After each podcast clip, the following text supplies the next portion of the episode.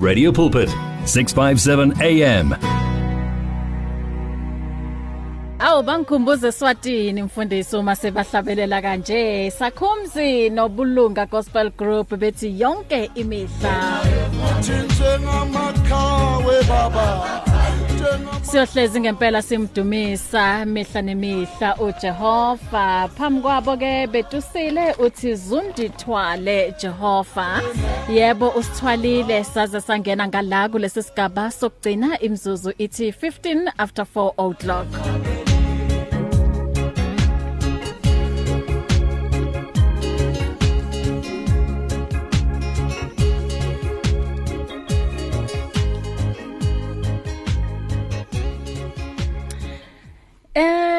Mfundisi sawubona.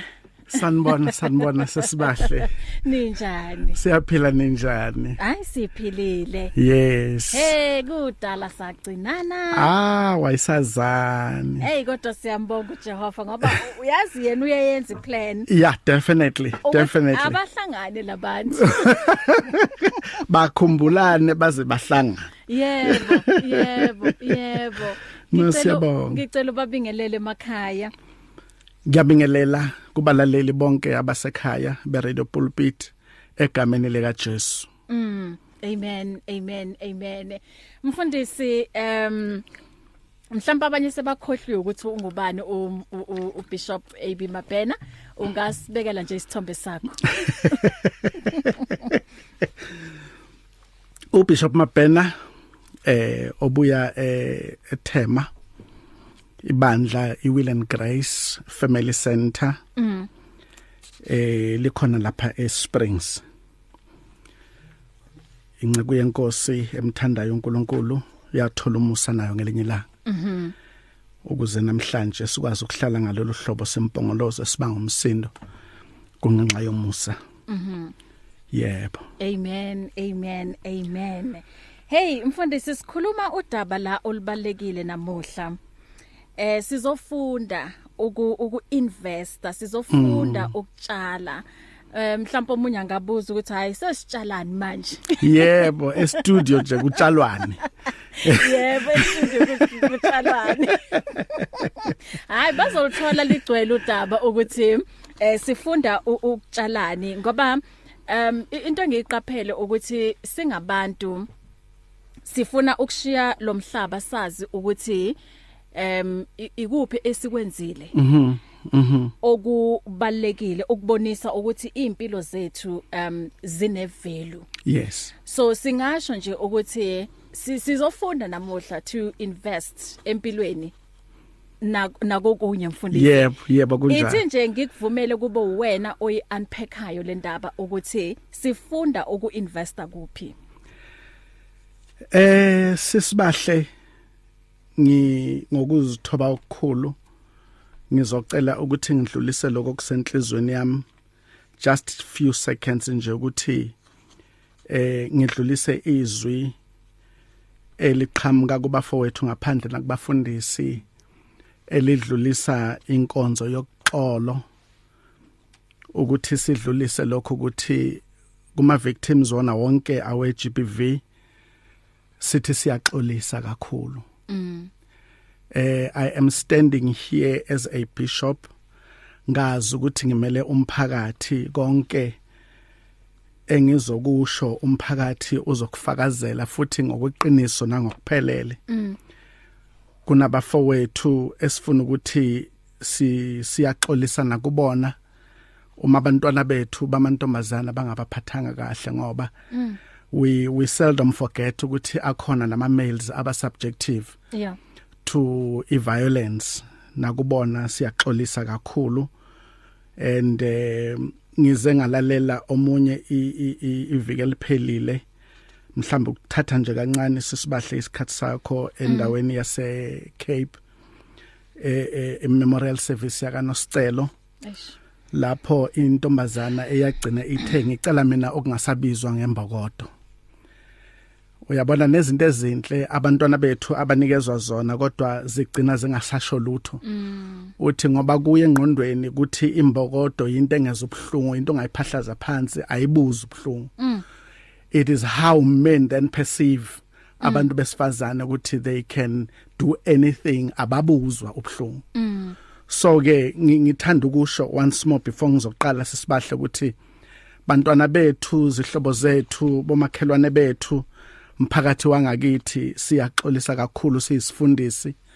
uNkulunkulu ingathi angadela angadedela uxolo lohlele phezukwenu anisize lapho kulimaleke khona uyena ozokwazi ukufinyelela. Ngikusho lokhu egameni elenkosi yethu Jesu Kristu. Amen. Amen amen. Siyabonga mfundisi. Yeah it's painful sesibahle mawazi ukuthi uzele unamantombazana. Mm. and uh, kwenzakala into efana nalezi. Kodwa ke hayi asidlule eh singaze siqede isikhathi. Mm. sesibahle si zokhuluma namhlanje ngeinvestment. Kakhulu kakhulu ikhona endaweni lapho kukhulunywa khona ngezimali. Eh lapho khona abantu bekhuluma ngezinto abafaka into ethile ukuze bathole into ethile ekuhambeni kwesikhathi. Mm. uma ngabe sizongena kwi-introduction learn to invest uma beyichaza abagogodile abafundile bathi it is the action of allocating resources. Usually it's money. With the intention to generate profit or income mm. okusho ukuthi uma ngabe uzo investor in anything kungaba i relationship noma kungaba yini uinvestor une expectation mm. eyokuthi definitely uma ngiinvesta kuloku kukhona engizokuthola in return yeah akekho umuntu ongavele ainveste in any situation noma in any institution angalindele kuthola anything in return mm. so ke ngifisa ukuthi lento legama siliboleke sike silethe ngapha ekukholweni sibone ukuthi in uku-investor thina makholwa kusisiza kangakanani lapha sifunda ukuthi kune principle of investment uma ngabe sizokhuluma ngama principles of investment it means sizo understand the book of Ecclesiastes chapter number 3 uverse 1 mm. eh uma sesi sibala nje okubili noma okuthathu uma ngabe umuntu einvestor ukuthi uinvestor engqondweni yakhe kunani mm. uma umuntu ezo investor sisibahle kune vision iphupho lomuntu kungakabi khona into aphuphe abone eseyileyo nto leyo azo investor kuyo uma seyimlethela izinto uzokwenzani mhm. so ke akwenzeki ukuthi ufuna ukuinvesta kodwa kungabi khona ivision yebo ngoba ufanele ulandele ivision yalento oyibonile noma bekade uzindla noma ngabe bowuphupha ngayo mm. kodwa ufanele ube nevision uyiphuphe ubone ukuthi kahlehle ngiqonde phi mm. uthi umkhulu eh ulokhuza uTD Jakes uthi if a vision does not scare you mhm then it's not big enough. Yeah. Ngamanye amagama umsuka wayo yonkinto esizoba yiyokusasa mm. isuka ephusheni. Amen. Siyadinga ukuthi siphuphe siyadinga ukuthi sibone. Mm. and then eyesibili ipurpose uma ngabe sizo investa kufanele sibe nepurpose yep. Ukuthi siinvestelani sikwenzelani okuthile. Mm. And then okwesithathu sibese siba neoutcome lapho ke mangabe bowuphupha ukuba into ethile isiphumelele isiyinkulu isikhona une funding unakho konke izinsiza ezidingakalayo ekuthenini ube yileyo nto leyo ophupha ngayo mm. kodwa ke ngifuna ukuthi ke namhlanje sizoqhubeka inyanga yonke ngisho ukuthi uma singabuyele emuva sike sicheke endalweni naseBhayibhelini ukuthi God being the first or the chief investor of our lives ukuthi umuntu owaqala ukuinvesta ezimpilweni zethu owa investor lapho siphila khona uNkulunkulu qobo lwakhe. Because uNkulunkulu kunezinto esingabe kade singekho kodwa zaba khona ngenxa yokuthi sesikhona sidaliwe. Izwi lethu ke sisibahle ku book of Genesis u chapter number 1 Genesis 1 verse 26 to 31 mm. lapho iBhayibheli lifundeka kanjena Then God said, Let us make men in our image, according to our likeness. Let them have dominion over the fish of the sea, over the birds of the air, and over the cattle, over all the earth of over every creeping thing that creeps on earth. Mm. God so created man in his own image and the image of God. He created him, male, female, and created them. Then God blessed them, and God said to them, Be fruitful and multiply, fill the earth and subdue it. Have dominion over the fish of the sea, over the birds of the air, and over every living thing that moves on the earth. And God said, See, I have given every herb that yields seed, which is on the face of all the earth, and every tree whose fruit yields seed. To you it shall be for the food. Ake ngime lapho ke nje sisibahle sibe sesiyayichaza le ndaba yethu.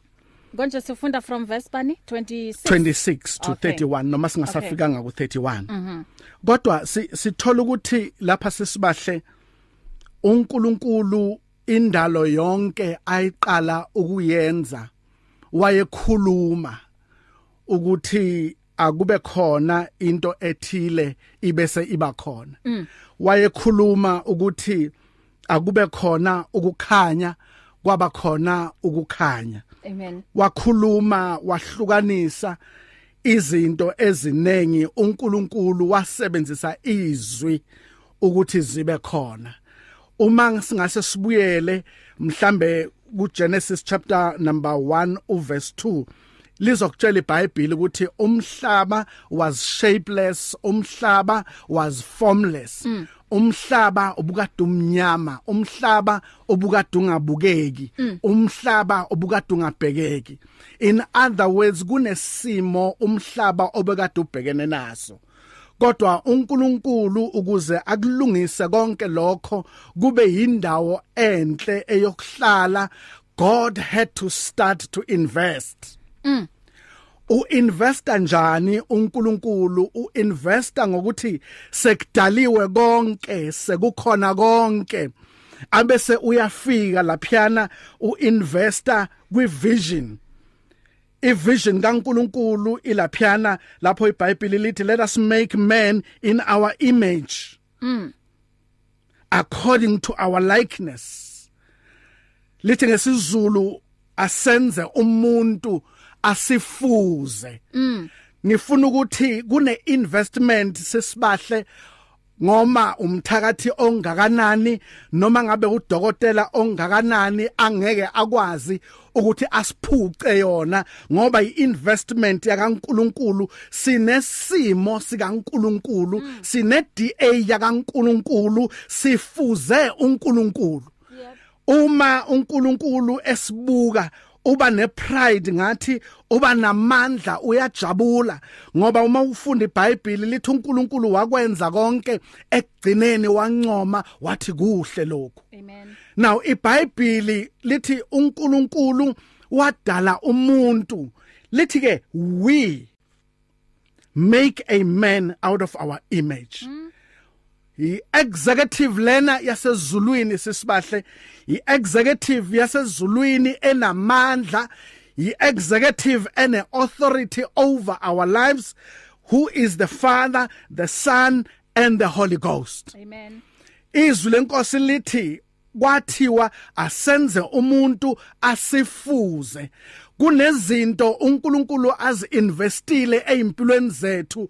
Kunemimoya enamandla uNkulunkulu ayinvestile kithi.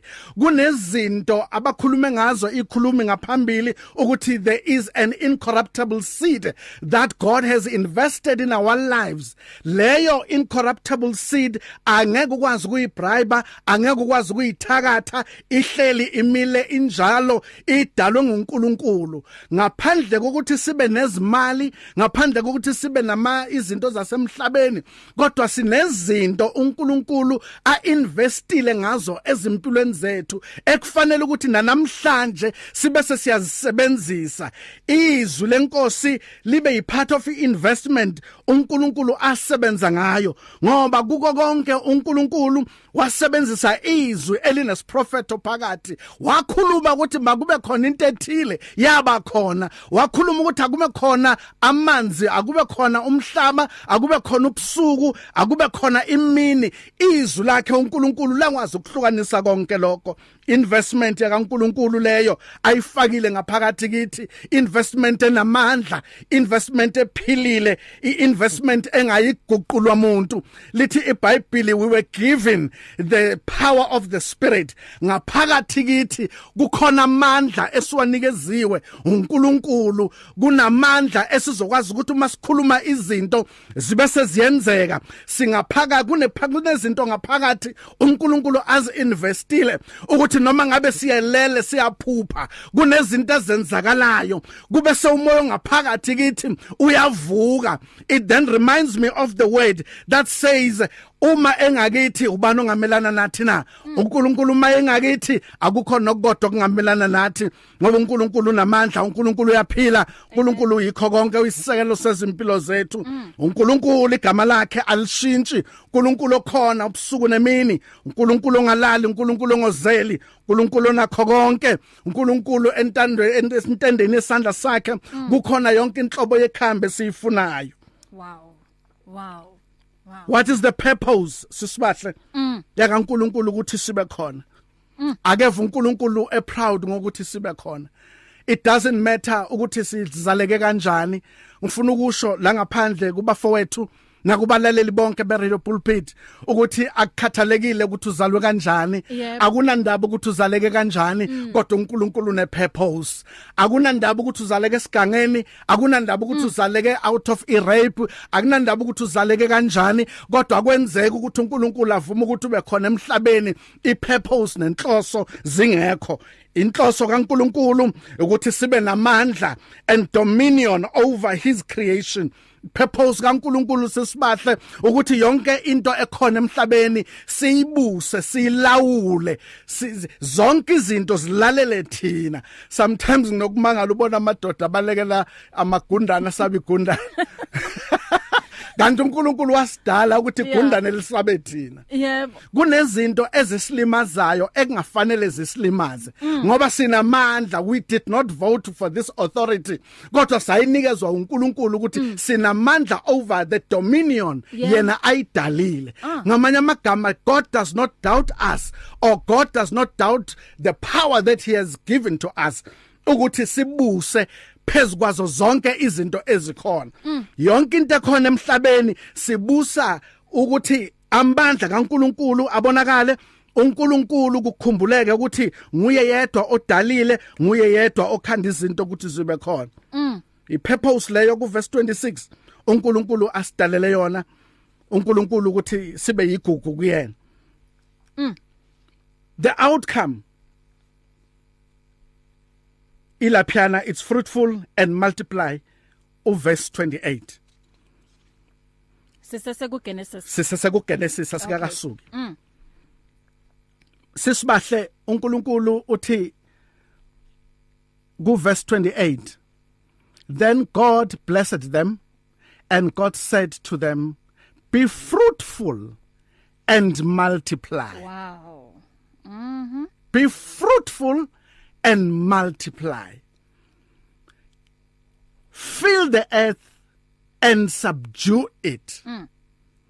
Ngamanye amagama uthi zalanani nande nigcwalise umhlaba amen that is the power of the outcome yakaNkuluNkulu asinikeze yona uNkulunkulu udalile konke kodwa wabona sisibahle ukuthi yona yonke lento le ayingeke ikwazi ukumdumisa. Yebo. Yona yonke lemvelo ayidalile izihlahla ngeke zikwazi ukumdumisa.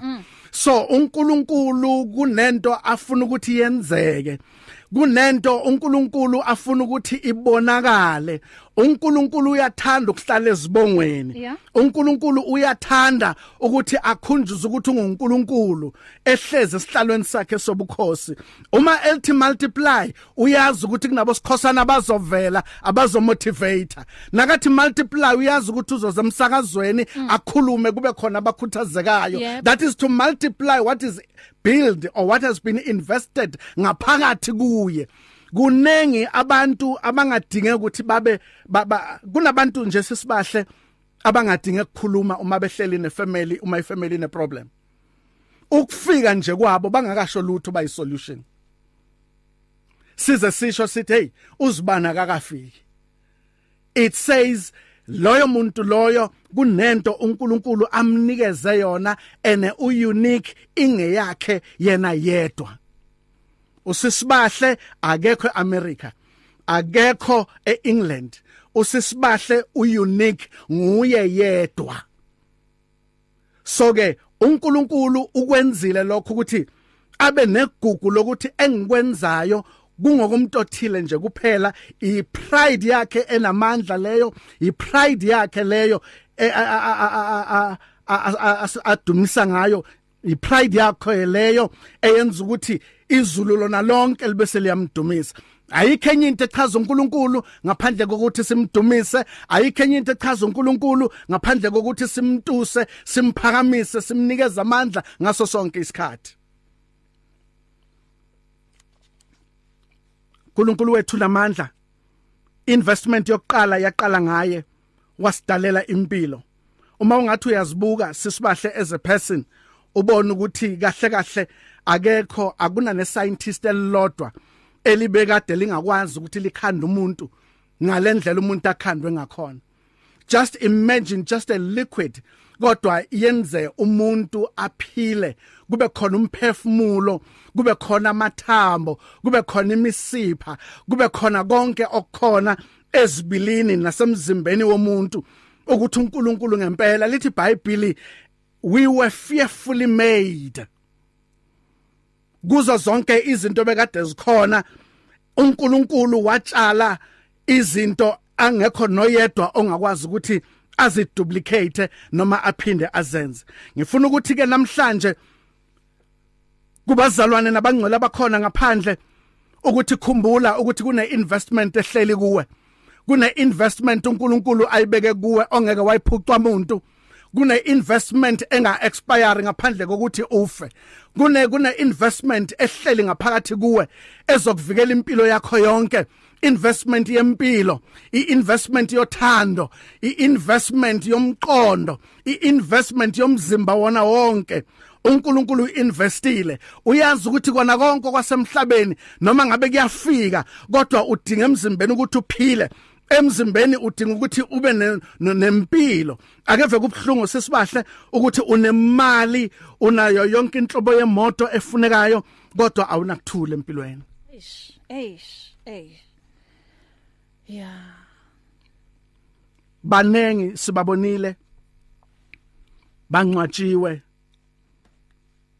banezimali mm. Kodwa intokozo ayikho. Ukuthula akukho. Ukuthula akukho. Mm. Otherwise bengeke sibathola bafowethu bayikhungile.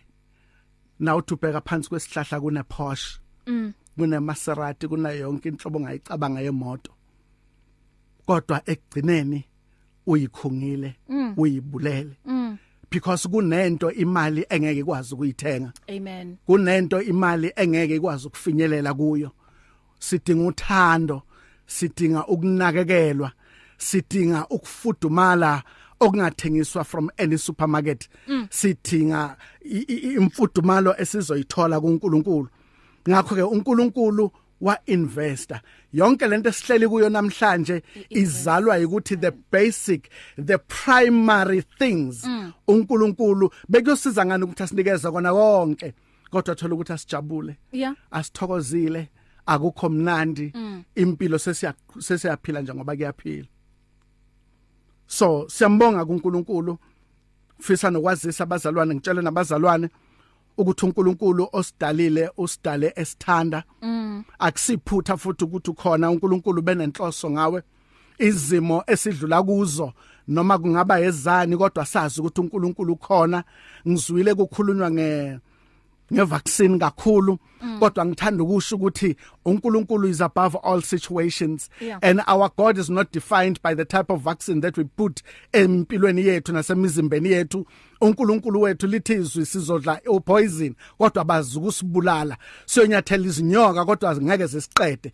Ize lisikhuthaze lithi we we fall. But we are not crushed. Mm. so izwi lenkosi liinvestiwe kithi sesibahle linamandla liyaphila.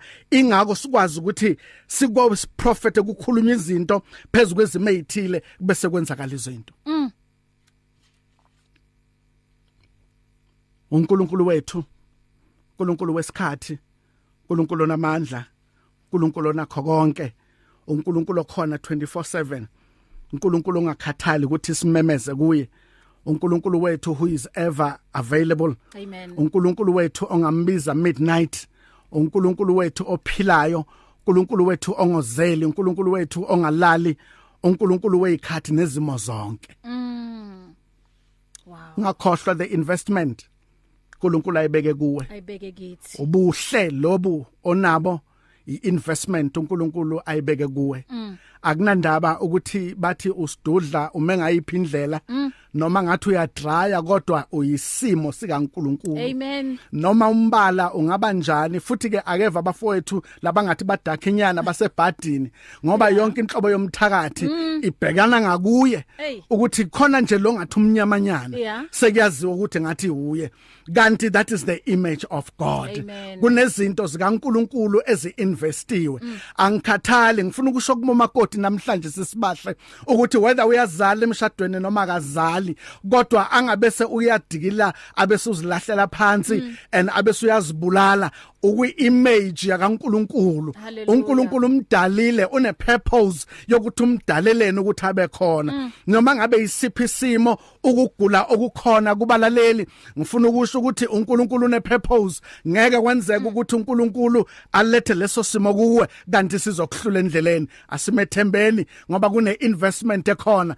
Investment yakaNkuluNkulu ezixosha nabathakathi ebusuku noma ngabe baletha izinto ebusuku silele sesibahle bese kuvuka ilizwi empilweni yakho elithi greater is he who is in me than the one who is on earth. Izwi libe seliyavuka ngaphakathi ngoba phela asikhumbule ukuthi ibhodle kudlile amen. Amen. Amen. amen. Yo mfundisi ngicela sithathe nje ikhefu em imizuzu la ithi 16 um 43 eh si, siyafunda namuhla to invest bazalwane. Eh uNkulunkulu has given us the treasure. So umbuzo ukuthi what are you doing with it? What are you doing ngaleyo ncebo? Eh uNkulunkulu ak- akuphe yona. Uyazi mfundisi akekho umuntu okuwukuthi mm, angafuna ukuspenda isikhathi egibela le leather le ezomfikisa empumelelweni. Yes. And then ithi ayigibelile ale phezulu. Bese uthola ukuthi hayi le stepisi lesincike ku ku- ku kule ebondeni eli wrong. Mhm mhm. Uyazi ukuthi lento le izokwenzani? Izokwenza nje ukuthi uphelelwe ithemba ukuthi hawu sengisebenze kangaka. Yes sesibahle. Yes sesibahle because kahle kahle uma sibuka iBhayibheli ngokukaNkuluNkulu akukho umuntu ekufanele ngabe uyahlupheka. Aha. And ngokukaNkuluNkulu akekho umuntu ngabe kufanele uyalamba. Ibudget ikhona lapha nezwini Yeah. uNkulunkulu wasibudgetela aha. ukuthi kuzoba nokudla ekufanele sikudle. Yebo. So ke kahle kahle a- a- akufanelanga ngabe siyahlupheka physically and spiritually. Uma ngabe kunezinto esihlangabezana nazo spiritually we know who to talk to. Yeah. we know ukuthi we've got got the Holy Spirit who's always available. Mm. the Holy Spirit who engulfs our life ngaso sonke isikhathi. Mm. kodwa kuyadependa ngokuthi did you invest yebo.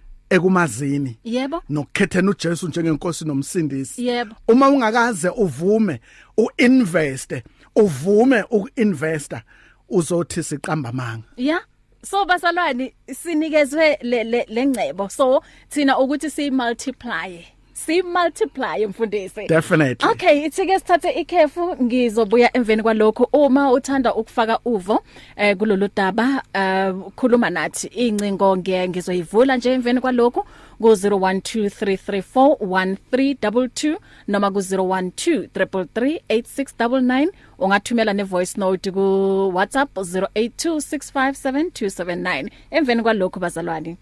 It's more than radio, it's a way of life. It is 657 AM. Coronavirus 2019 is a new respiratory illness that spreads from one person to another through droplets when an infected person coughs or sneezes. Protect yourself and your community from getting and spreading this illness by practicing preventative measures such as Wash hands frequently with water and soap for at least 20 seconds. Stay at home if you're sick or call coronavirus hotline to get medical advice. Avoid close contact with people who are sick. Covering your mouth and nose when coughing and sneezing with elbow or tissue. Clean and sterilize frequently touched objects and surfaces with bleach and other non-toxic chemicals. Play your part to prevent the spread of coronavirus and other diseases in your community. For more information, please call Coronavirus Center on 0800 029999 free of charge or go to nicd.ac.za or health.gov.za. Come and ask your questions, share your concerns, experiencing life on 657 AM.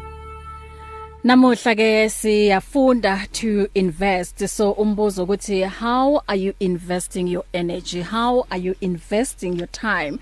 How are you investing your emotions mzalwane? How are you investing ama talents uNkulunkulu akuphe wona? How are you investing your soul? 1647 0123341322 sawubona okay uhambile uzobuya futhi 0123341322 0123338699 usemoyeni sawubona? Sawubona. Hayi. Tata. Yebo. Hayi. Khanda sekhaya manje kuse ubishop mm. Amen tata. Manje khawuleke nje ufuna uya ndohluka xa uthuku uyamva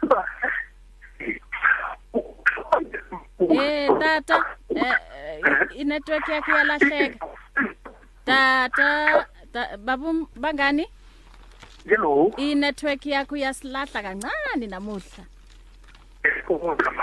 Eh asikuzwa kahle asikuzwa kahle. Okay. Ungafuna enye indawo baba? Eh angithi awumuzwa nawe nemfundisi. Yeah nakuzwakala iyalahleka. Okay ithi afone futhi. Okay 0123341322 0123338699 unga WhatsApp na ku 0826572729 usemoyeni sawubona? Sawubona? Hello? Hello? Oh yazi bahle Oh. isekwanje mama. Awu ngathi usuyazwakala manje tata. Okay nkosi mama Mm. Ha, ndithanda le ndawo athi utata ubishop Si- sithetha nge-investment namhlanje. Uthi ke ngoku there- there's something great now e-investwe nguthixo apha kum. Thixo now there's something precious now something wonderful. Into sibahle emiraculous ngolona lona hlobo. A- a- athi ke sibahle uyabona sibahle umoya oyingcwele. Umoya oyingcwele ebethe uthixo ngoJohn 3:6 wathi okuzelwe ngumoya kungumoya. Noma engaqalanga lapho eke okuzelwe inyama kwinyama athi okuzelwe ngumoya kungumoya. Usho ukuthi uthixo mama utshale kuthi umoya oyingcwele. Now oh onguthixo bobuthixo bakhe ngqo. Lento sibahla siyifunisela sinkuntuze eh now sine investment enkulu tatu bishop Eh, amen. Asikhompiti sibahle ngayo. No no. Le investment zumoya oyingcwele apho tatam uye kuthiwe mntanam ixesha endikunike lona. Ndi-investile lapha kuwe ngexesha. Number two now i-energy okanye amandla endikunike i-investment yam lena so uyihlala abantu kum ndinguthixo ngamandla endikuphe wona. Now nge-resources ingayimali bishop ingazimoto. yes. I-investment leya uthixo utyalile kuthi uba sithi bring back now abantu bakhe kuye uthixo. Sokuthetha umuntu igqibile thetha ubishop indlela endivuya ngayo le nto sibahle ifuna abantu abayaziyo.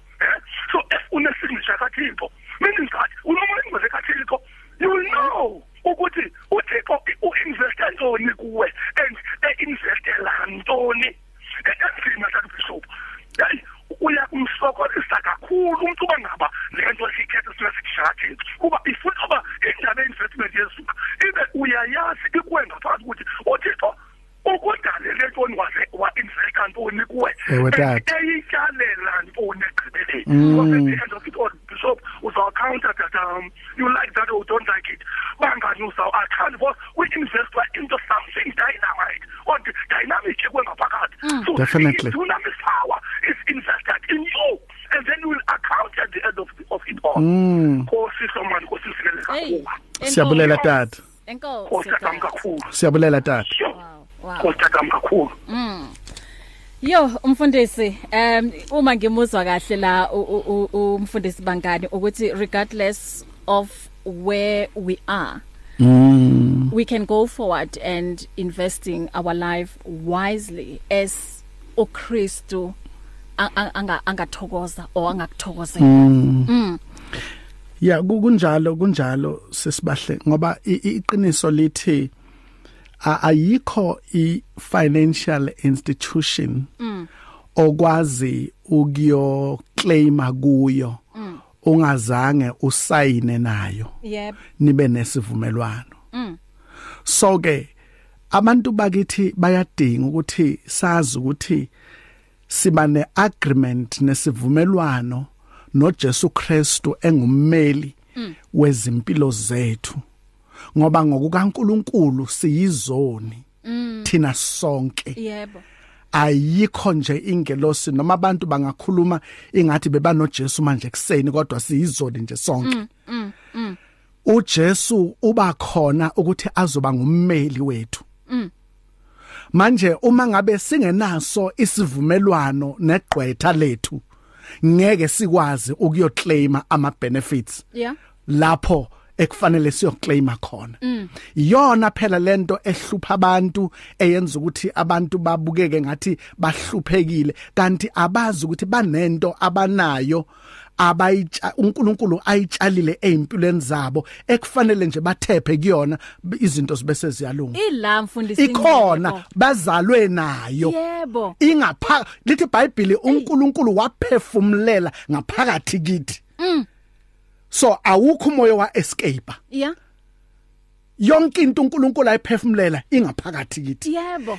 Umsebenzi wethu ukuthi sazi ukuthi siyithinta kanjani ukuze uNkulunkulu abe sisukuma ngeenyawo abese uyaxhuma bese siyaqhubeka ne network inkinga ukuthi asazi ukuthi le treasure uNkulunkulu as- asinikeze yona ingakanani. Ey, ey mfundisi.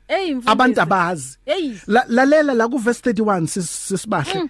Lithi bible then god saw everything that he had made and indeed oh my god uthi indeed it was very good. Whoa. so ngifuna ukubatshela sisibahle abazalwane nabangcwele ukuthi alikho iphutha eh, umuntu ayilo emhlabeni. Yep. Wonke umuntu muhle Yes. uNkulunkulu ubona itreasure ungalalela abantu beloko bakutshela izinto ezingafuna ukuphela ngoba ngeke vele abantu benele Yeah. kodwa uNkulunkulu uzothi ngelinye ilanga uthi baba ngegama lika Jesu uNkulunkulu abese uyakulalela Amen. Sure. Asilalele nansi voice note lana sizwe ukuthi ke uthini ukhalimambo. Nkosazana, nkosazana sibingelele umfundisi. sibingelele abalali be-radio pulpit umsakathi wethi indzaba lethi thokotisako manje-ke ivakala kahle indzaba lasho umfundisi le eh ankulunkulu amphathise yona ukuthi atosipha yona namhla. Ngokuba investment le ngibona mina yizwi likaNkulunkulu noma lona live likaNkulunkulu. Leli nkulunkulu asuka lifake emzimbeni yethu. Manje ke imizimba yethu le ibe seyalimukela libe selidala izithelo la emzimbeni yethu lelizwi likaNkuluNkulu. Kodwa kuba khona ngesinye isikhathi ukuthi lemizimba yethu ingabi kahle le. Uma lifika leli vini lingakhona ukusebenza lingakhona ukudala tithelo lingakhona ukuthi kudala titshalo noma tona tithelo tingaveli tithelo. Kungabonakala ukuthi kule ndvodza lena kwakhala nyonini. Kungabonakala ukuthi kulo mbhishophu lokwakhala nyonini ngokuba noma se ephethe libandla akapheli ngaloku mprofita nga. Manje kuyabonakala ukuthi le ndvodza le leli vili kaNkulunkulu alizanga uNkulunkulu alizanga lathola enzayo ukuthi alinveste kangakahle netimali tethu masiyotifaka ebabhenke siyotifaka ebantwini uthola ukuthi atisebenzi manje iyona le ndzaba le iba khona la emtimbeni yethu imtimba yethu kuba khona ukuthi ngesinye isikhathi singamukeli leli vili kaNkulunkulu. Mara siphinde sibe ngabefundisi kodwa leli liva lisebentanga. Kanti mabukoza Khalimambo, khalibambo. Hey, isikhathi nasi naso siyagijima mfundisi. Angazi sigijimele phi ngoba thina yazi sisa sisafunda ukuinvesta lana. Sidlewe usikhosana isikhathi sana. Sidlewe usikhosana. Ngicela sithathe omunye la elayinini sawubona Dumela. Sawubona? Ngibonile sisibahle. Molo ma. Yo kaloku sisindimamele kakuhle notata. Ewe. kunamava ndiwava kakuhle utata wathethayo athi umntu anganazo zonke izinto zalapha emhlabeni. Kodwa iba khona into ayidingayo uba engenayo uthixo. Uba engenawo umoya oyingcwele kathixo. Ininzi into adingayo nakuba kwezi zalapha emhlabeni izinto ukhetha umuntu ezikhetho nokuzibulala. Sisibathe kuba kulento angayaziyo into yokuthi uthixo iyintoni amdalele yona. Ulindele kukuhlala wajonga izinto zasemhlabeni walibala sisibahle ngothixo. Yo. Walibala ukuthi usuka phi sisibahle futhi udalelwe ntoni? Kuba kaloku sisibahle notata umuntu uthixo umdalela ukuze ibe nguye oya kubuyisela abantu bakathixo kuthixo abangamqondi uthixo yo sisibahle nkosi mamama nkosi mama notini vabayi hayi siyabulela siyabonga mama siyabonga. mama. Yo. Nkosi nemkosi mary haleluya mfundisi angicela sivale ngoba sesisele ngomzuzu owodwa. Sisibahle ngithanda ukuthi kubalalele ekhaya ezimeni zonke uNkulunkulu ungu alpha ungu omega mm. Izwi lenkosi futhi baze bahlabelele kahle bathi awuqalile umsebenzi yeah. uyawufeza. Amen. Ngifuna ukuthi mntana sekhaya don't lose hope. Don't kill yourself. Don't look down upon yourself. Mm. Consult kunezwi elithi lapho siphelela khona ngamazwi. Yep. The spirit of the lord intercedes on our behalf. Mm. Kunezinto ekufanele ukuthi uzisho uyikhulume kuNkulunkulu besizulu liyanyakaza mm. Uphethe amabhom emzimbeni wakho. Uphethe ibhom olimini lakho elithi iBhayibheli ulimi lifana nomkhonto onomlilo ngaphambili. Asikho isimo ongeke ozodlula kuso ungeke ukwazi ukuthi usinqobe. Ungazilimazi ngifuna ukukuncenga. Ungadlu poison ungayithathi intambo ungasithathi isibhamu nawe oseyikweletini ngithanda ukusho ukuthi khona iinvestment uNkulunkulu ayibekile kuwe uyakwethemba izimo zonke abantu abahlangabezana nazo ngeke ngizibale ngeziqede kodwa ikhona iinvestment ngayisebenzisa. uNkulunkulu abenani uNkulunkulu anigcine uNkulunkulu anilondoloze. Amen. Amen. Mfundisi sifundile namuhla eh uh, how to in, invest. So bazalwane um lapho si investor khona kusho ukuthi si we increase what we have ukwenzani to impact ikingdom kaNkuluNkulu. Yes. And noku qhubekelisa umsebenzi kaNkuluNkulu so let us invest and continue sifunde mfundisi Amen. and senze isiqiniseko sokuthi si investor endaweni e right because angithi bakhona laba abazoza eh ngamaqhinga ukuthi investor la Mm. investor mm, la investor la investor la Kanti uyalimala. kanti uyalimala Yeah. so ukuthi ekugcineni kosuku lahlekelwe yikho konke Yes. so let us learn to invest la sisazi khona ukuthi ekugcineni kosuku kukhona sizokuvuna Siyabonga, siyabonga. Investment konke sesibahle. Yep. Ungathi uNkulunkulu angasinikeza impilo sizokhuluma ngeinvestment yasemshadweni. Ekuyiyona futhi eqeda umhlaba. oh investment yokukhulisa abantwana